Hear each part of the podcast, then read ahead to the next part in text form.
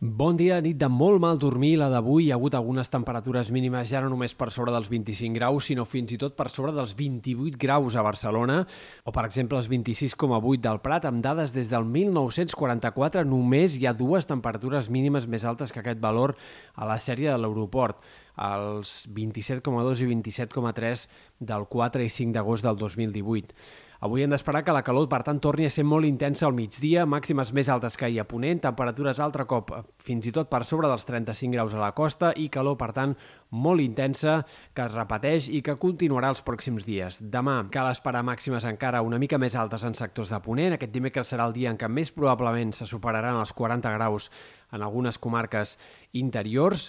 i a partir d'aquí, eh, lleugera baixada de la temperatura a la costa, sobretot en sectors del nord-est, punts de l'Empordà especialment, on hi ha hagut les màximes proporcionalment més altes aquests últims dies, però la xafogó seguirà sent molt intensa i, per tant, seguirem esperant tota la segona part de la setmana, temperatures que a l'interior freguin els 40 graus i sensacions tèrmiques de 37-38 graus a la costa. Per tant, si bé no seran les temperatures més altes d'aquest estiu fins ara, sí que hem de parlar d'una onada de calor important i que, i insistim com ja parlàvem ahir, que en un context de fa 5 o 10 anys seria, sens dubte, l'onada de calor estrella de l'estiu.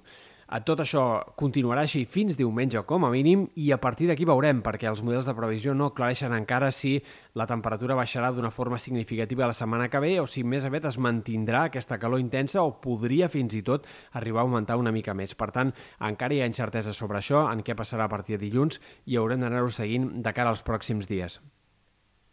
La bona notícia enmig de tot plegat és que seguirem tenint certa activitat a les tardes, certes tempestes, certs ruixats que aniran remullant una mica com a mínim sectors del Pirineu i del Prepirineu. Avui serà segurament el dia amb menys ruixats de la setmana. Pot haver-hi algun xàfec entre el Ripollès, Cerdanya, Berguedà, però serien fenòmens, sembla, més aïllats que els d'ahir. Demà, en canvi, sí que tornaran a reparèixer moltes tempestes cap a l'Aragó i algunes afectaran el Pirineu i Prepirineu Occidental, sectors del Montsec especialment, i després d'això, de cara a dijous, divendres, dissabte i diumenge, sembla que anirem tenint tempestes a tarda gairebé cada dia en sectors del Pirineu, sobretot divendres, que és el dia en què és més probable que els ruixats puguin afectar més comarques.